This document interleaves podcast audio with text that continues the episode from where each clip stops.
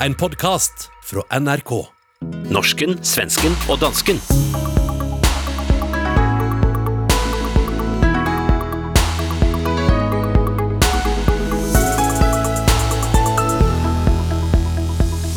Norrøne guder står igjen midt i begivenhetenes grelle centrum.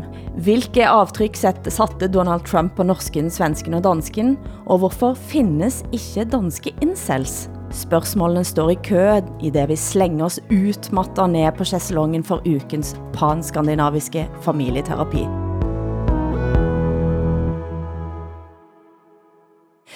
Men først, sist uke, Hassan, så fejrer vi, at det var gått op til flere uker uden noget nyt dansk parti. Men så, hvad har skjedd? Ja, så er der overnight øh, kommet endnu et, øh, et, øh, et dansk parti. Og, og prøv at høre, jeg sidder, jeg sidder simpelthen her og har øh, glemt, hvad det hedder. Øh, kan, du huske, hvad, hvad navnet er på det parti? Øh, Ja, det var, det var frygtelig vanskeligt. det var noget med, det, det, at, at det er sådan et lokalkonservativt øh, parti, ikke? Som, ja. øh, altså nogle lokalpatrioter rundt omkring i landet, som mener, der skal være øh, større fokus på det lokale. Ikke? Men, men uh-uh. jeg vil tro, at det er med en konservativ eller nationalkonservativ dagsorden. Jeg, jeg, I Sverige brukar vi säga att om tre personer som bor i Värmland träffas så bildar de ett dansband. Eh, jag tänker i Danmark så kanske man kan säga att om tre danskar träffas så bildar de ett parti tillsammans.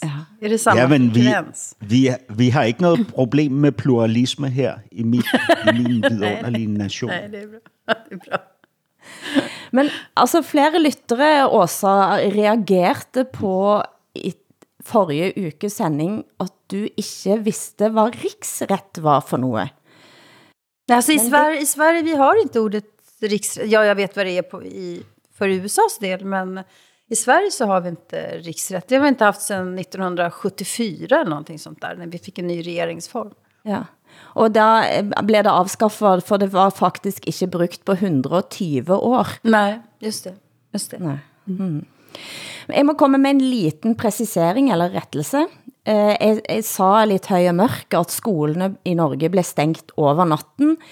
Eh, jeg snakkede da med et eh, og satt i samme rum som en som havde hjemmeskole, men det som er skedde efter nytår, var at videregående skole over natten kom på rødt niveau, og det betyder at klassene blir delt op, og at de begrænser klasserumsundervisningen, men stænger altså ikke helt ned, sådan at ikke svenske lyttere, særlig svenske lyttere, som tror at Norge har haft eh, stængt skole kontinuerligt siden mars, eh, læser jeg jævnlig i svenske aviser, at vi har haft, og det har vi altså ikke haft. Men signalet øk belejligt forrige uke, da du, Hassan, skulle forsvare at penis redde verden. Vi kan høre klipp på, hvordan det hørtes ut. Jeg er fuldstændig enig i, at, at det er også penis, som frelser verden fra undergang. Va? vad, sa, Penis. vad, hände? Vad, vad sa han? Vad sa han, Hilde? Vad sa han? Er, er det behov for ytterligere præcisering også? Ja, tack. Jamen, I Altså- ved jo, hvordan det er. Altså, Låt det flyge ja, bare. Altså, en, jo, men prøv nu at høre, når man, øh, hvis man beder en kunstner om at forklare sit kunstværk, så, så bliver det banalt, ikke? Men altså, øh, øh, ap- apropos, øh, ap- apropos penis, ikke? Så, øh, så har jeg jo set den der John Dillermand, I ved, den der øh, børneserie, mm. som Ramachan, øh, Danmarks Radio, øh, Ramachan har produceret.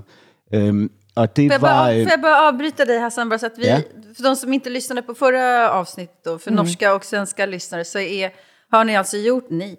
I Danmark finns det ett barnprogram, en tecknad farbror med världens längsta penis som skapar trubbel men han kan också rädda svåra situationer med världens längsta penis. Och det här barnprogrammet kom bara några veckor efter att Danmark fick sitt första metoo, ska vi säga också. Okej Hassan, jamen, Et godt opsæt. och nu har du sett det här programmet med, med din det- dotter det, Sonja. Altså, det, det lyder jo fuldstændig tosset, når du beskriver det, øh, Åsa, på den måde. Men øh, jamen, altså, jeg så det ligesom med min datter, uden at preppe hende. Ikke? Så jeg, øh, jeg læste ikke jeg forsøgte ikke at læse min egen øh, holdning til det her ind i det, men ligesom bare sætte mig ned ved siden af hende og se det sammen med hende, og, og så spurgte jeg hende efterfølgende, øh, Nå, men skat, hvad, hvad synes du om det her? Og så sagde hun, fint nok. Og, og så sagde jeg, øh, skal vi se et afsnit mere? Og så sagde hun, nej, det er, det er, nej. og så gik hun. Du hører norsken, svensken og dansken. Programmet blir sendt i Danmarks Radio, Sveriges Radio og Norsk Rikskringkasting.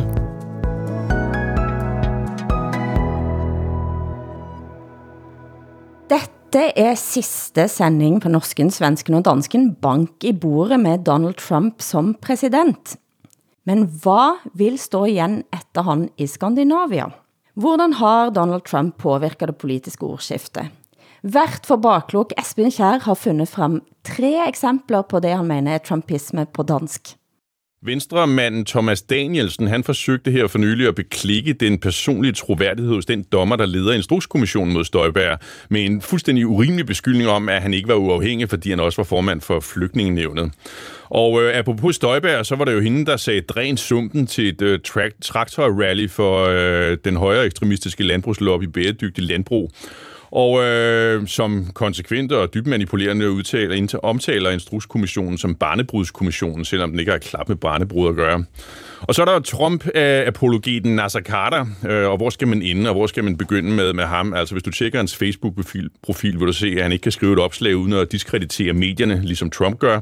Der er også masser af ros til Trump, og øh, det værste eksempel for nylig var, da han lige før jul forsøgte at miskreditere forsvarsadvokat Mette Grits Dage og beklikke hendes motiver, bare fordi hun passede sit job som forsvarsadvokat og hjalp en terroranklaget dansk statsborger. Jeg, jeg vil jo hæve de tre, de har kigget ja. på Trump og lavet sig inspirere. Hvordan er det i Sverige også? Ja, men jag skulle har, säga... Vi har... har det ändrat sig? Ja, jag, alltså, jag minns nästan inte hur det var för fyra år sedan. Men vad jag tycker är mest signifikant för de här fyra åren med Donald Trump, det är att eh, vi som är humanister och demokrater har blivit lite dummare, skulle jag säga. Eh, vi har tappat proportionerna eh, och eh, vi har ingen känsla för nyanser längre.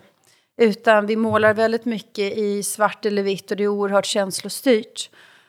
Eh, och jag vet inte hur många artiklar som jag läser om Donald Trump nu, att han är dum och dålig och han jämförs med allt från Hitler till Genghis khan.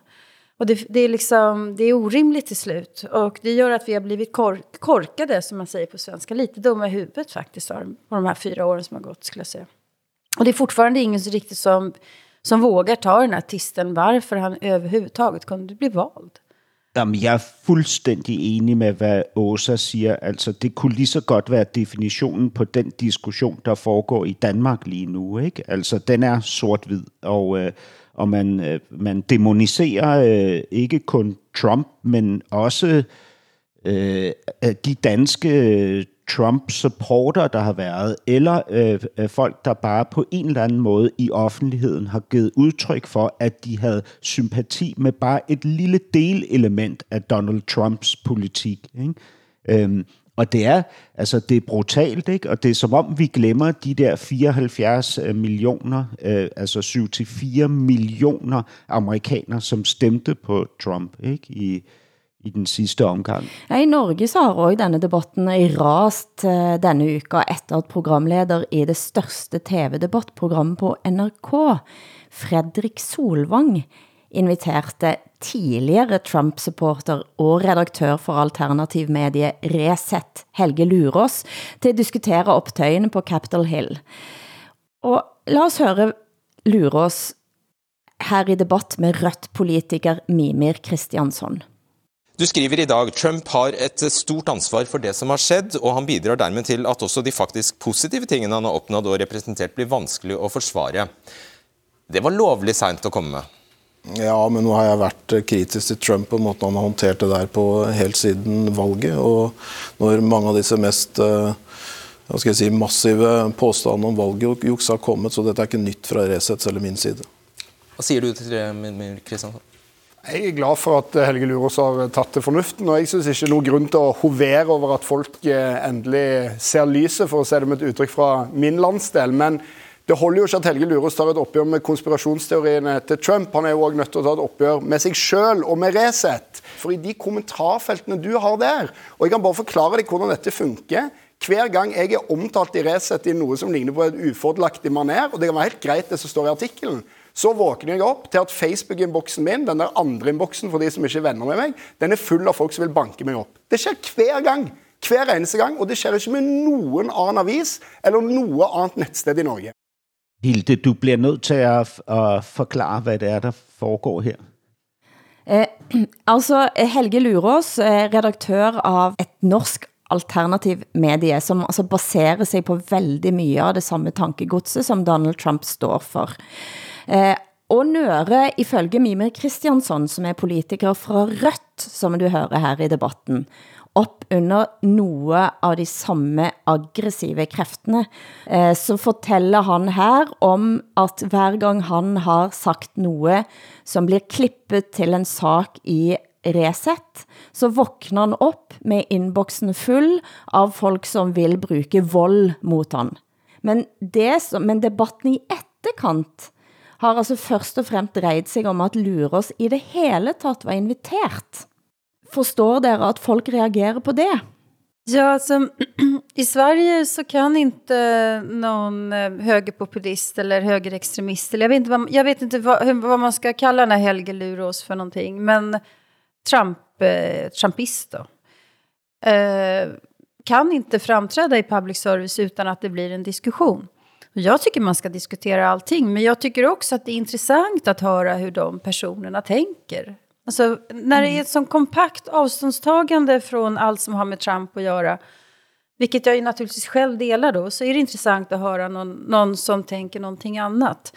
Jag ska också säga skillnaden mellan Norge och Sverige i det här fallet, det är att eh, Mimir Kristiansson, han tog den här debatten. Han stod i den där studion och diskuterade med Helge Lurås. Det händer inte i Sverige. I Sverige bojkottar man. Eh, det finns ingen från vänstersidan som skulle möta någon motsvarande. Det har i alla fall varit så under många år. Och det är också bra, tycker jag, att, att, eh, att man gör det som, mm, som ni gör i Norge. Jeg kan også lægge til her, at Utøya-overlevende Tore Sinding Bekkedal, altså en av de som var ungdommer den gangen eh, i eh, 2011, eh, 22. juli, eh, han havna i diskussion med programleder for debatten Fredrik Solvang, på eh, både først på Twitter og så på direkte meldinger, hvor Solvang ganske uklokt anklager han for at dra Utøya-kortet i en direkte melding. Men den motbøren førte til at Fredrik Solvang sletta Twitter-kontoen sin. Han sa, jeg kom til et punkt der jeg indså at jeg befinder mig i en umulig position, sa han til Dagblad.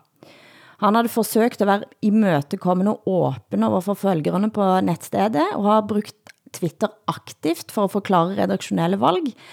Men så kom denne stormen, og han sletter altså eh, den eh, hele sin konto med mange hundre tusen, tror jeg, følgere, fordi han blev sittende næsten to døgn for at forklare og forsvare hvor, eh, hvordan red- redaksjonen havde tænkt. Og også som journalist og kommentator, kan du känna dig igen i Solvangs dilemma? Ja, jag är inte på sociala medier för jag mår dåligt där. Man blir sjuk helt enkelt. Det är så aggressivt. Men jag tycker att det är bra när journalister försöker förklara redaktionella beslut. Eh, journalister ska vara så transparenta som möjligt om sina publicistiska överväganden. Men det är också lite svårt när man går i, i polemik och i debatt eh, som programledare. Jag tycker nog att programmets producent ska sköta det där och inte programledaren tror jag. Men eh, jag vet inte. Svåra frågor tycker jag. Man ska ha nerver av stål för att orka vara på sociala medier i, en sån, i ett sånt yrke. Ja, det er helt sikkert. Det er, altså, det er jo voldsomt. Altså, jeg synes jo, jeg, jeg, jeg har jo slet ikke, øh, jeg, jeg besidder jo ikke de kontroversielle øh, standpunkter, og hvis jeg gjorde, så ville jeg slet ikke ture øh, dele dem på sociale medier.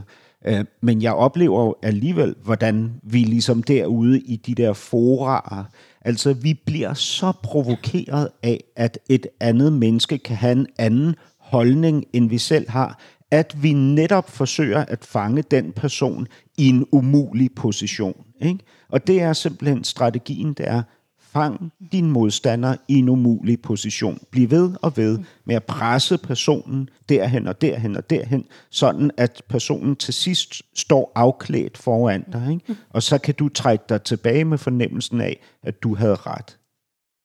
Donald Trump på sin side har som kendt blitt kastet ut av Twitter mot sin vilje og fått kontoen stängt ned.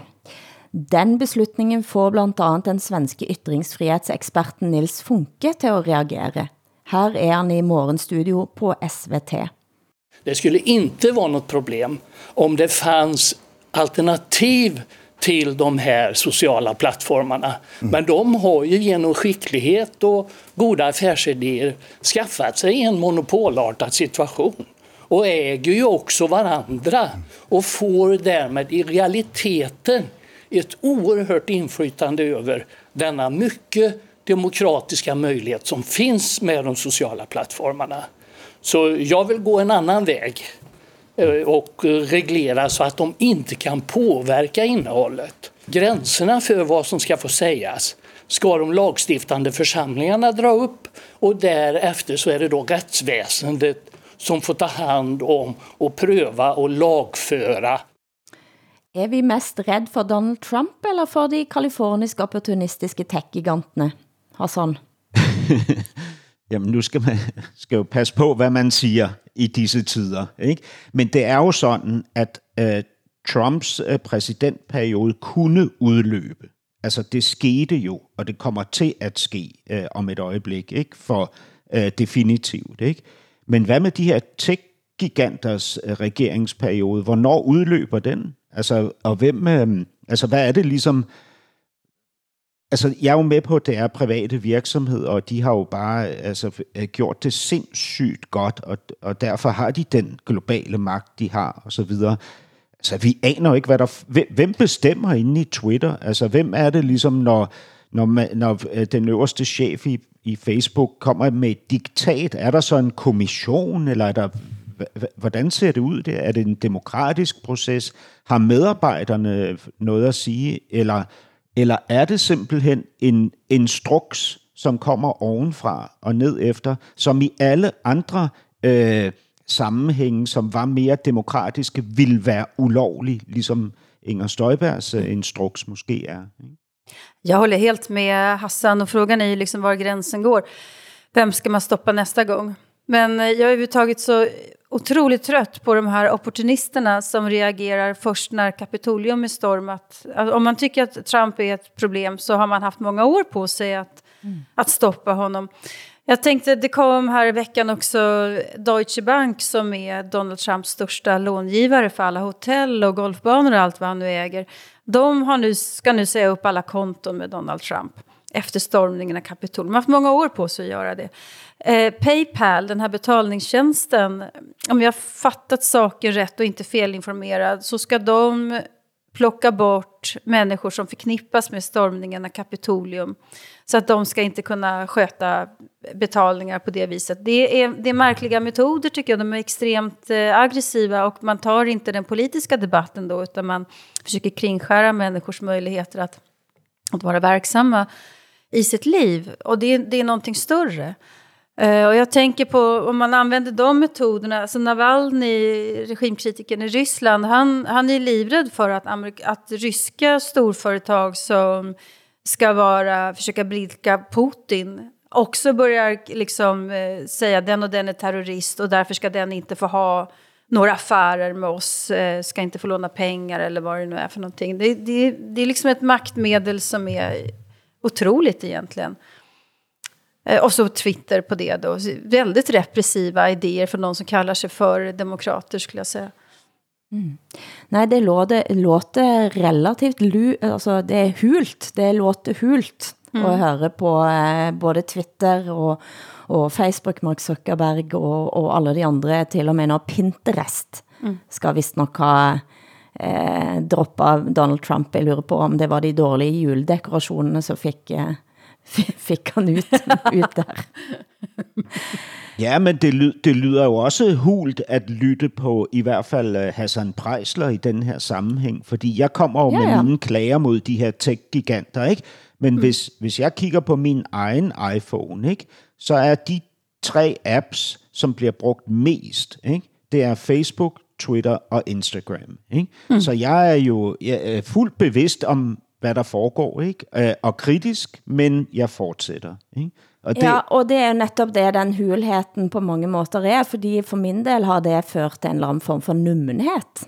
Hvad betyder det for nummenhet? Eh, num, nummen, at jeg føler mig handlingslammet. Aha, mm. eh, fordi jeg bruger, jeg bruger appene.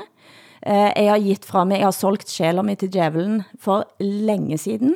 Eh, og sitter bare i ro og håber at eh, all den data, som må findes om mig, er, er altså ikke bliver brugt til nogen, nogen gang. Sant? Mm. Den diskussionen, den lever der, men den lever så svagt og så ullent, at jeg klarer ikke forholde mig til den i mit eget privatliv. Og det synes jeg faktisk er ganske ubehageligt. Mm.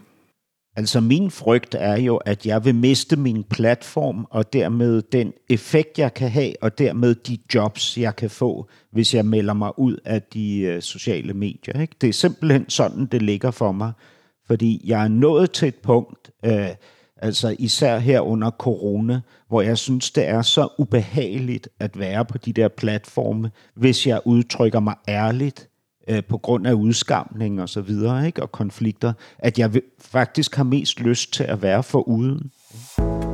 Norsken, svensken og dansken med Hilde Sandvik, Åsa Linderborg og Hassan Preisler. BBC har ellers laget en side, der du kan søge op, hvad Donald Trump har sagt om dit land. Og Åsa Hassan, husker dere nogle klassikere? Den jeg husker best er kanskje Look at what's happening last night in Sweden. Mm, jag skulle säga det, ja. Han hade, ot han hade otur där, Donald Trump, för att just den eh, natten i Sverige så skedde det inga sprängningar, inga mord, eh, och inga kidnappningar och ingenting sånt. Utan det var för en gångs skull en lugn natt. Och eh, eh, Ja, det var ganska intressant att se den svenska reaktionen att i Sverige händer ingenting. Så här, han har helt fel, men han hade bara otur just den kvällen skulle jag säga. Mm. Til trods for all denne Sverige-kritikken, så eh, efter besøg av Löfven, husker du vad han twittrade då? Mm, nej, det kommer jag inte ihåg. Jo, att vi var bästa kompisar i Sverige och USA, var det inte så? Nej. Sweden is a great country. It's small, but it's very sharp. I will tell you, they are very sharp. Alltså, man blir lite stolt som svensk också för att höra det. Ja, man och skulle, och vad rätt han hade Donald Trump. Man skulle tro, han havde mødt Åsa, øh, Donald Trump. det mest ikoniske Trump-utsagn om Danmark kom efter at Mette Frederiksen i 2019 havde været så fræk og kalde det en aprilspøk og sa at det var absurd at USA skulle købe Grønland av Danmark.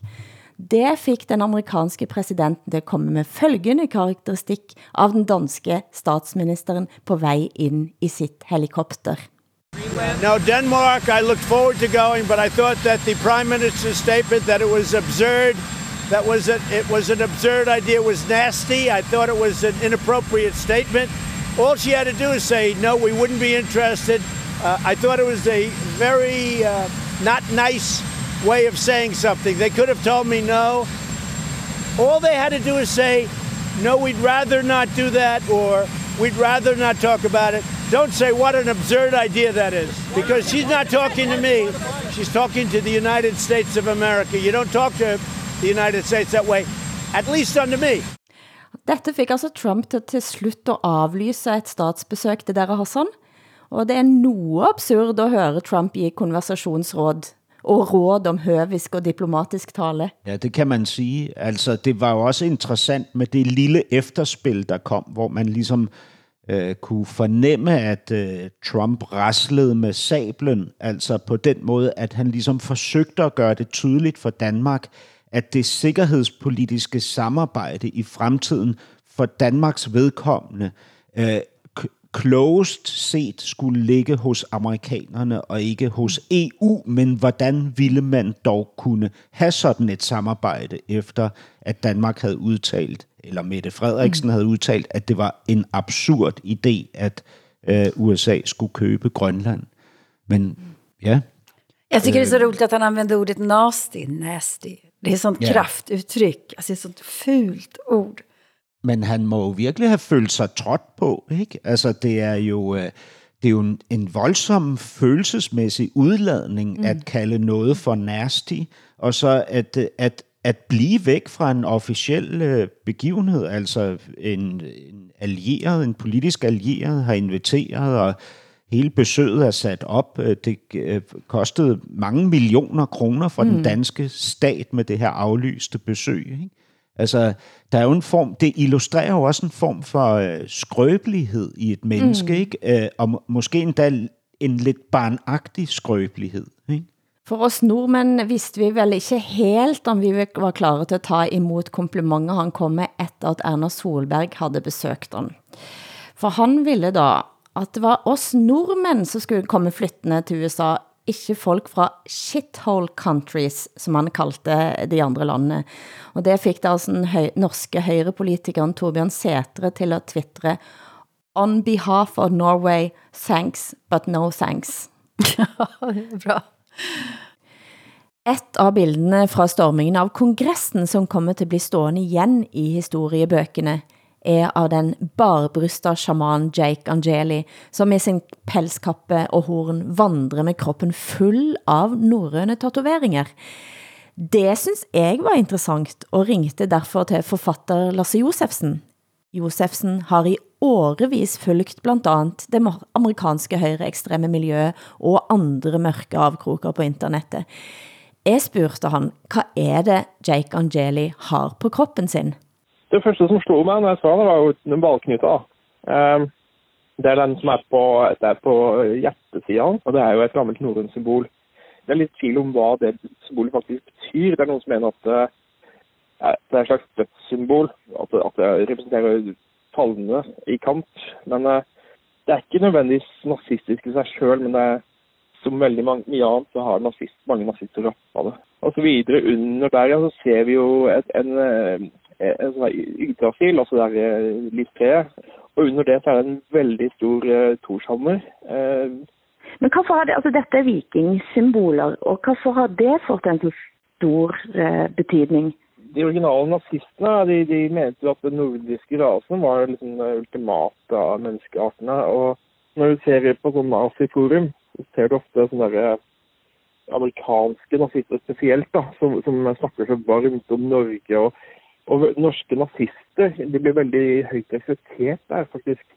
Eh, men det er nok fordi amerikanere ikke vet hvor ubrukelige de nazister vi faktisk har. Hvad synes vi om at vår nordiske kulturarv havner midt i disse begivenheternes centrum? Men jag, jag tänker att alla högerextremister, eh, de söker ju perioder som kan förknippas med stora militära framgångar. Och för Breivik då, så, så, eller för höger, högerextremister i Norden så är det ju vikingatiden. Eller för svenska högerextremister så är det vikingatiden och stormaktstiden. Men för amerikanska högerextremister kan man ju tycka det är lite intressant att, att de har Tor och Odin och, och så som, som symboler. Men Jeg kan sige det også. det är väl helt... Mm. Jeg kan... s- Nej, men det, det, Undskyld. Nej, men det är väl helt enkelt en, en eh, markering att man tillhör den vita folkstammen i norra Europa helt enkelt. Som man tycker är den finaste vita folkstammen tror jag. Att man härrör härifrån helt enkelt. Altså Lasse Josefsson... Alltså, det är en rasistisk mm. attribut eh, rakt av. Nej, for Lasse Josefsson siger at eh, altså Q-shaman, eller Q-shaman, som han kaldes Jake Angeli, eh, som er altså tilknyttet mer QAnon-bevægelsen, som ikke egentlig har så veldig tætte bånd til eh, på den måten. Eh, Så sådan mm. sett så er det faktisk lidt interessant, at det er akkurat han, som har disse norrøne symbolene på sig. Det er jo meget interessant det her, ikke? Altså, vi, vi havde jo, øh, hvad hedder det, angiveligt, så er han jo, øh, Jake Angeli, han er jo sådan en, en falderet skuespiller, altså øh, med meget moderat succes, som ligesom har øh, langsomt har øh, fået flettet sig ind i nogle øh, bevægelser. Den yderste højrefløj siger jo, at han i virkeligheden er Antifa, altså en mm. infiltrator. Ikke? Men øh, hva- hvad han end er, ikke? prøv lige at se på den her mand, som har malet sig i hovedet med rød, hvid og blå, ikke? og går med en kæmpestor øh, bjørneskins øh, hjelm med, med horn, ikke? i bare overkrop med en torshammer om halsen. Altså, vi kan jo ikke forsøge at få noget som helst fornuft ud af hans tatoveringer. Jeg tror at øh jeg tror at grunden til at det blir opmærksom på, det er jo netop de forbindelsene til, til en del av den amerikanske højresiden, som er veldig begejstret for øh, norrøn mytologi da. Og at det bliver blandt andet diskutert på netstedet The Conversations, der forskere og akademikere skriver for almenheten. Og der fandt jeg Tom Birgett, eller Birgett, lektor i ældre engelsk histories gennemgang av de ulike tatoveringene til Angeli. Uh, og han skriver noget, som jeg synes er lidt sådan interessant, da, for han skriver, at han frem til terroren mot Utøya, uh, og altså at Breivik opkaldte våpenet sitt Mjølner, et Tor Sammer, og masseskytingen i, i Christchurch, eh, der, altså der terroristen eh, kom med et opkald mot Valhalla, Frem til det så mente han at alle som virkelig kan noe om norrøn historie må bidra til utvikling med at drukne højresidens misbruk av norrøne symboler i positiv og præcis representation av den norrøne mytologien. Men at han nå altså, har blitt for ængstelig for at selv det er med på at fide. Eh, og det synes jeg, det er sådan, skal man, skal man, skal man rett og slett slutte at snakke om norrøn mytologi og den historiske referensen til vikinger, fordi det kan være med på at styrke hvit magtfløjen. Ja, men så kan det ju inte vara din fullständigt antiintellektuell hållning faktiskt. Ja, Det är ju skära bort en vital del av Nordens historia. Det kan man ju inte göra. Ja, og du har jo læst Njål Saga du i julen også. Ja, jag läser en Jarls saga vart, fem, vart femte år ungefär. Det är en, En av de vigtigste, ja, en av de vigtigste islänningssagene. ja, det är en, av- en av de bästa böckerna jag vet. Eh, jag älskar Jarls saga. Vad jag tänkte på den här gången, som jag inte har tänkt på tidigare, det är just eh, när, när man ska kristna Island så spelar ju skalderna en väldigt stor roll. Och de blir ju dödade först. Man måste få tyst på de som skriver verser till försvar för Tor och Freja. Och det är ju som att stänga av Twitterkontot för, för Donald Trump. Eller det som de som använder ordet är de farligaste. Men det er mye kränking, masse kränkelse og masse woke. Massa woke och kränkelser, men det är också en berättelse om hur man faktiskt försöker strypa yttrandefriheten för de som tänker annorlunda. Eh, och hur då Njal, berättaren, eller berättarrösten som har Njals perspektiv, tycker att det är rätt också. Mm. Det, det blir också så lustigt att läsa, se de här uh, filmatiseringarna nu av vikingatiden som överallt överallt på HBO, Netflix och pa- ja, överallt. Vad vi har gjort saga av sagor, eller man ska säga. Men jeg har jo læst, øh, jeg har læst øh, den danske forfatter Jeanette Warbergs øh, fantastiske Ja. vikinglitteratur. Ikke? Det er jo mega spændende. Altså, Ja, det är otroligt bra. Är det. Og til norske og svenske lyttere, Jeanette Warberg er altså forsker og bestsellende forfatter, som har skrevet en række vældig gode fagbøger om vikingtiden. Hun, er jo, hun er jo en, en afsindig modig forsker, fordi hun tør fortolke på materialet, ikke? Øh, Og, og ikke kun fortolke øh, i fuld overensstemmelse med de informationer, hun kan trække ud, altså også fortolke lidt ideologisk på materialet, altså hvilken verden ønsker jeg, at det var øh, dengang, ikke? Øh, og så læse tingene ind i det på den måde. Og det, det er jo en meget reel, en meget ærlig måde, synes jeg, at være forsker på. Ikke? Øh, mm. Hun er jo åbenlys omkring de her ting, hvor andre forskere lader som om, at deres betragtninger er øh, iskoldt øh, objektive ikke? Øh, og i overensstemmelse med historien. Du hører norsken, svensken og dansken i SR, DR og NRK.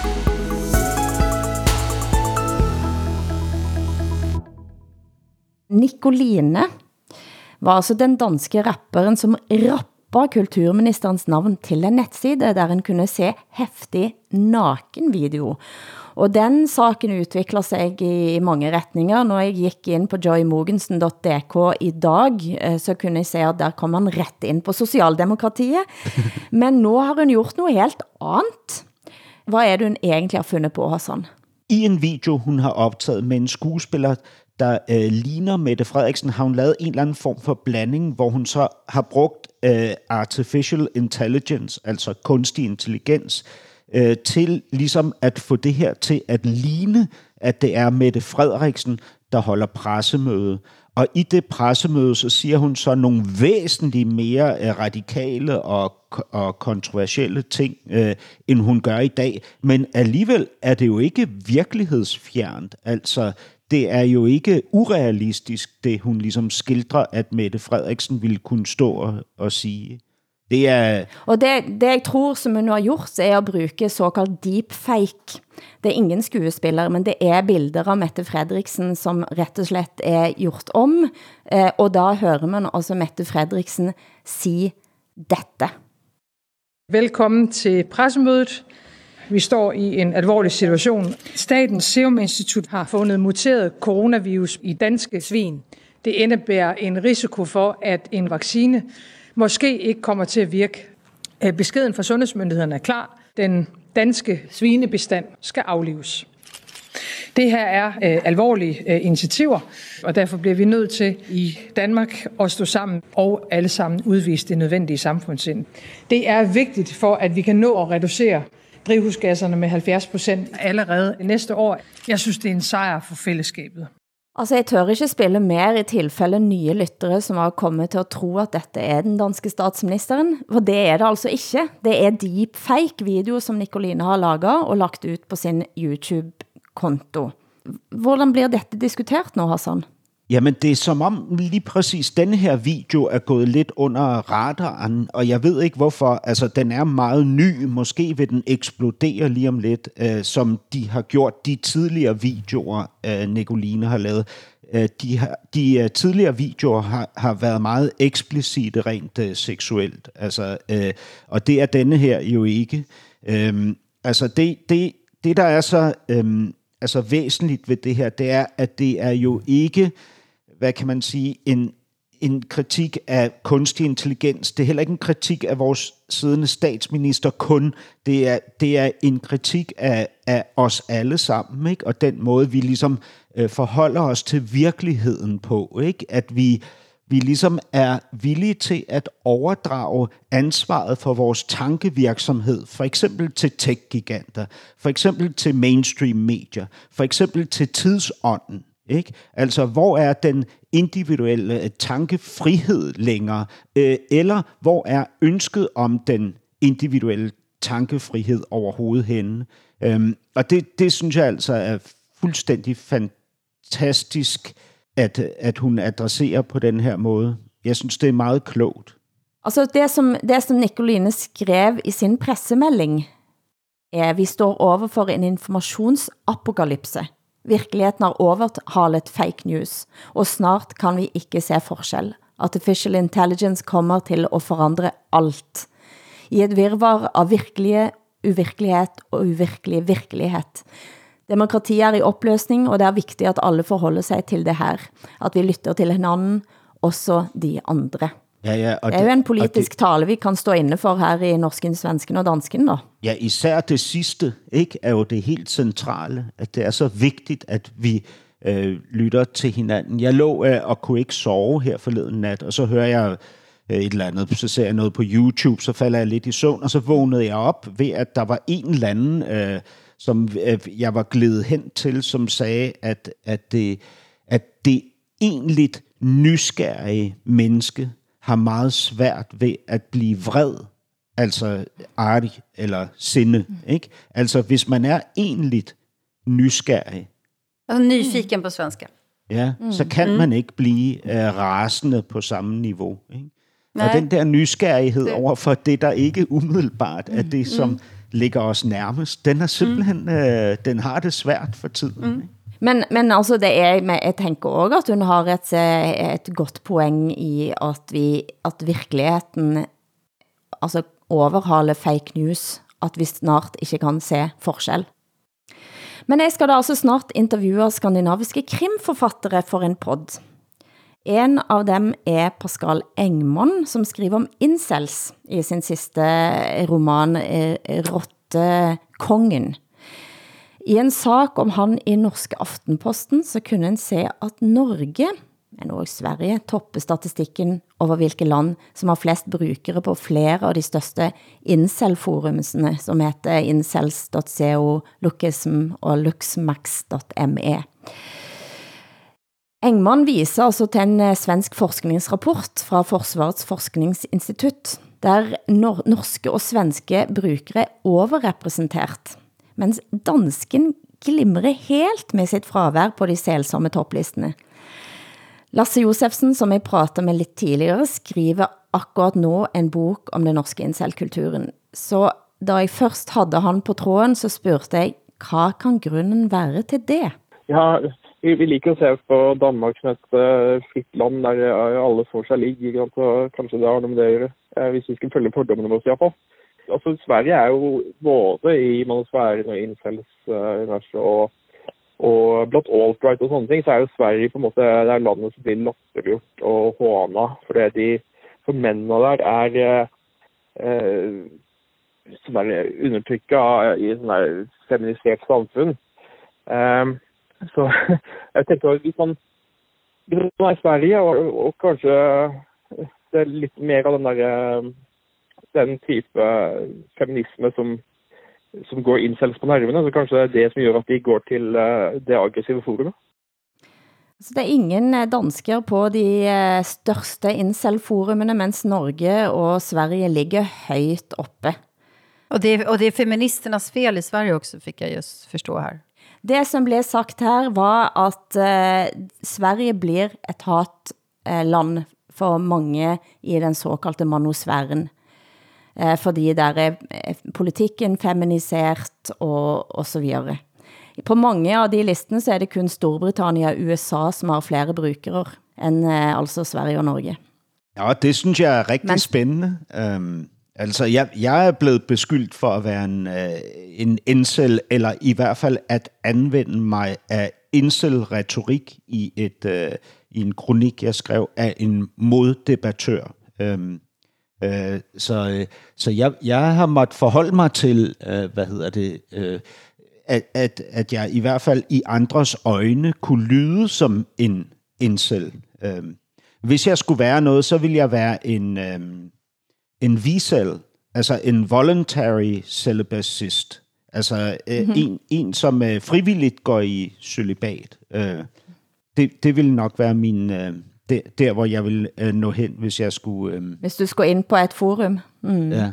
Men hvad tænker du om det, Åsa, som eh, Sverige som toppe, toppe disse listene? Ja, det, ja, jag borde ju kunna någonting om det här, men jag gör faktiskt inte det. Men eh, jag funderar på om det är feminismens fel att det är så många incels i Sverige och Norge. Jag tänker Storbritannien har, det är inte ett land man förknippar med feminism. Eh, så vad är förklaringen mm. där då, då, att det är så många incels där? Det, det er jo også et særligt fænomen, det her, fordi vi, vi betragter jo øh, per automatik incels som nogle øh, mænd, der har valgt at stille sig et sted, hvor de føler sig forsmået, og med udgangspunkt mm. i det har de oparbejdet en aggressivitet, altså et had mod kvinder. Ikke?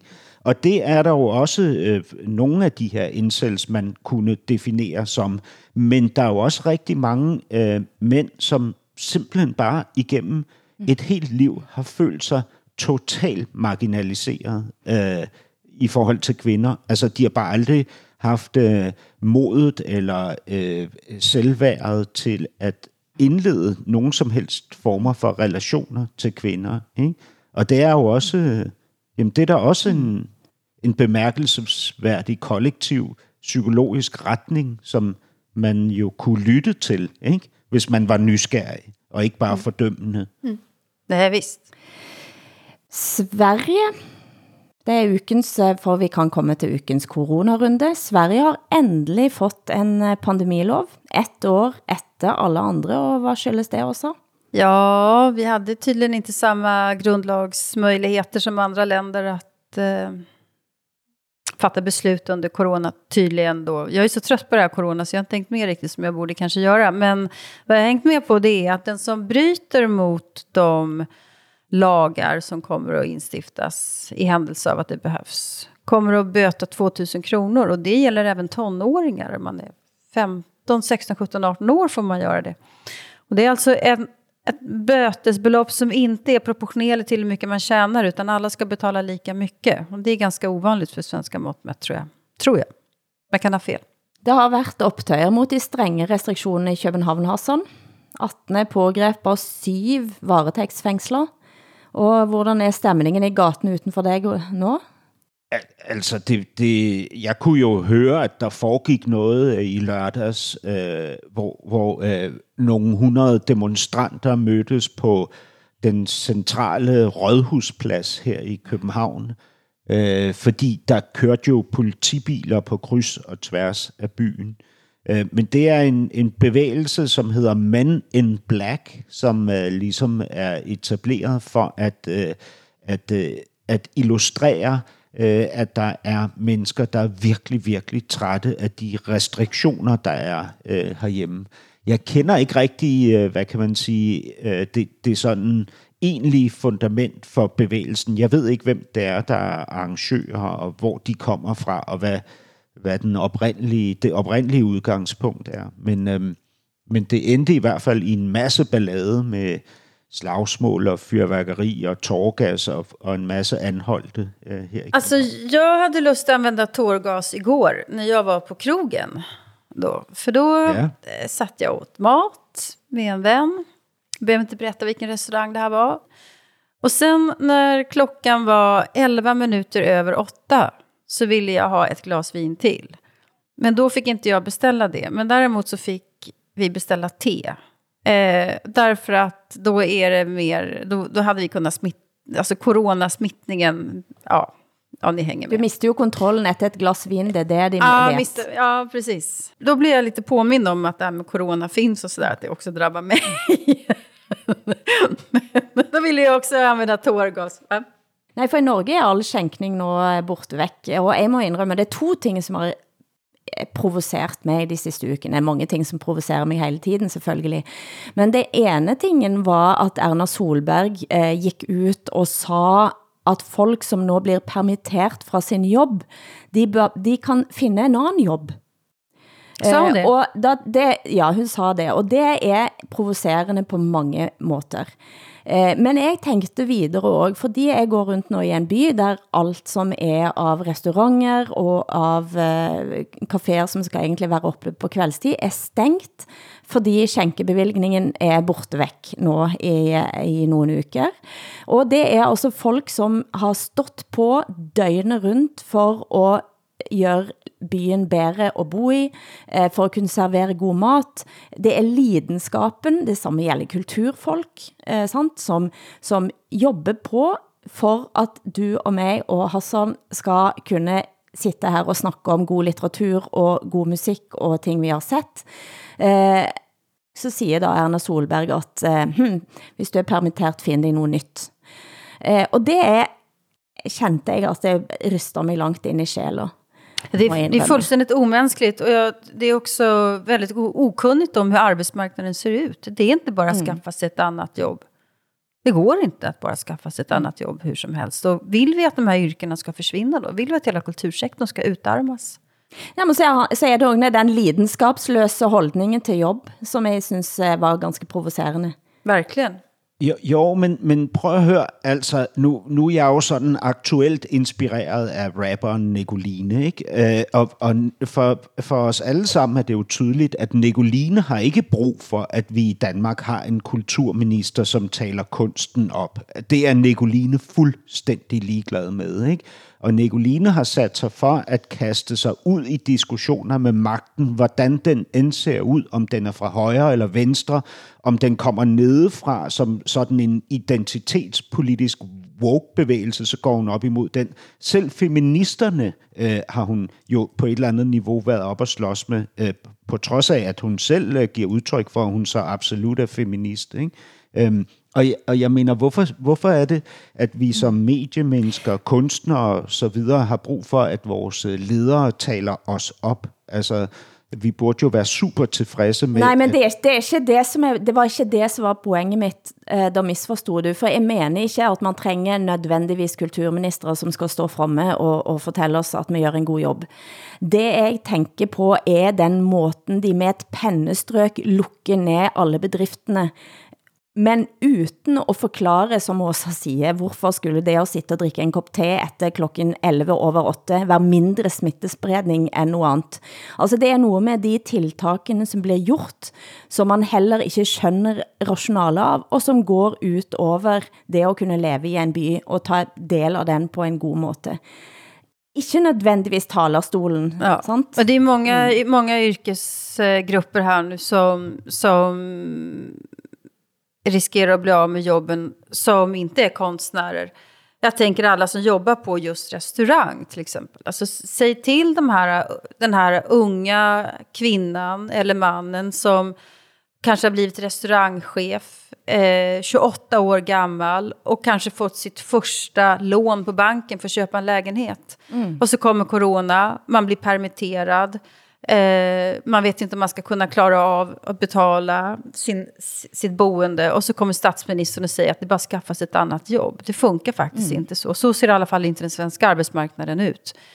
Det är, det är hårresande faktiskt. Men det er jeg helt enig i. Det er også fornærmende den måde, som øh, Erhvervs- og øh, Finansministeriet i Danmark ligesom forholder sig til alle de her øh, private små industrier, som er mm. presset mm. maksimalt. Ikke?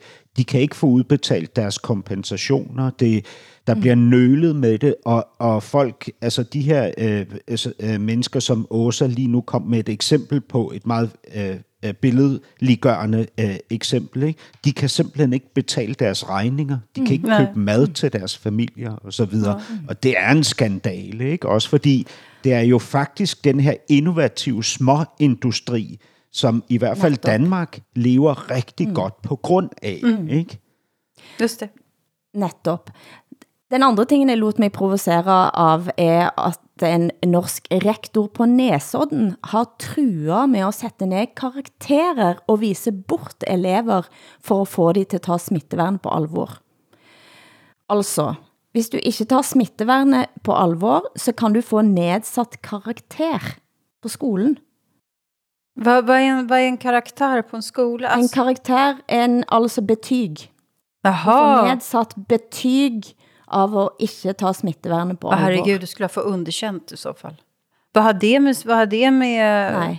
utbildning? Men fy fan vad dumt.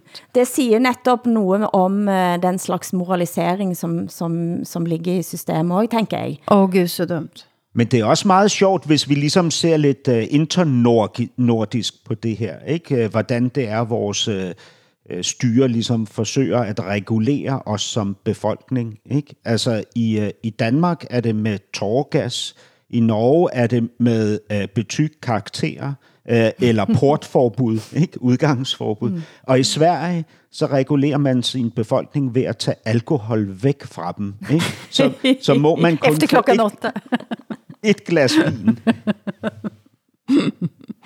Coronadebatten går högt højt i Sverige. Sist ut nå er den svenske influenceren Paulina Pau Danielsson, som blev kendt efter at hun vandt Paradise Hotel i 2014.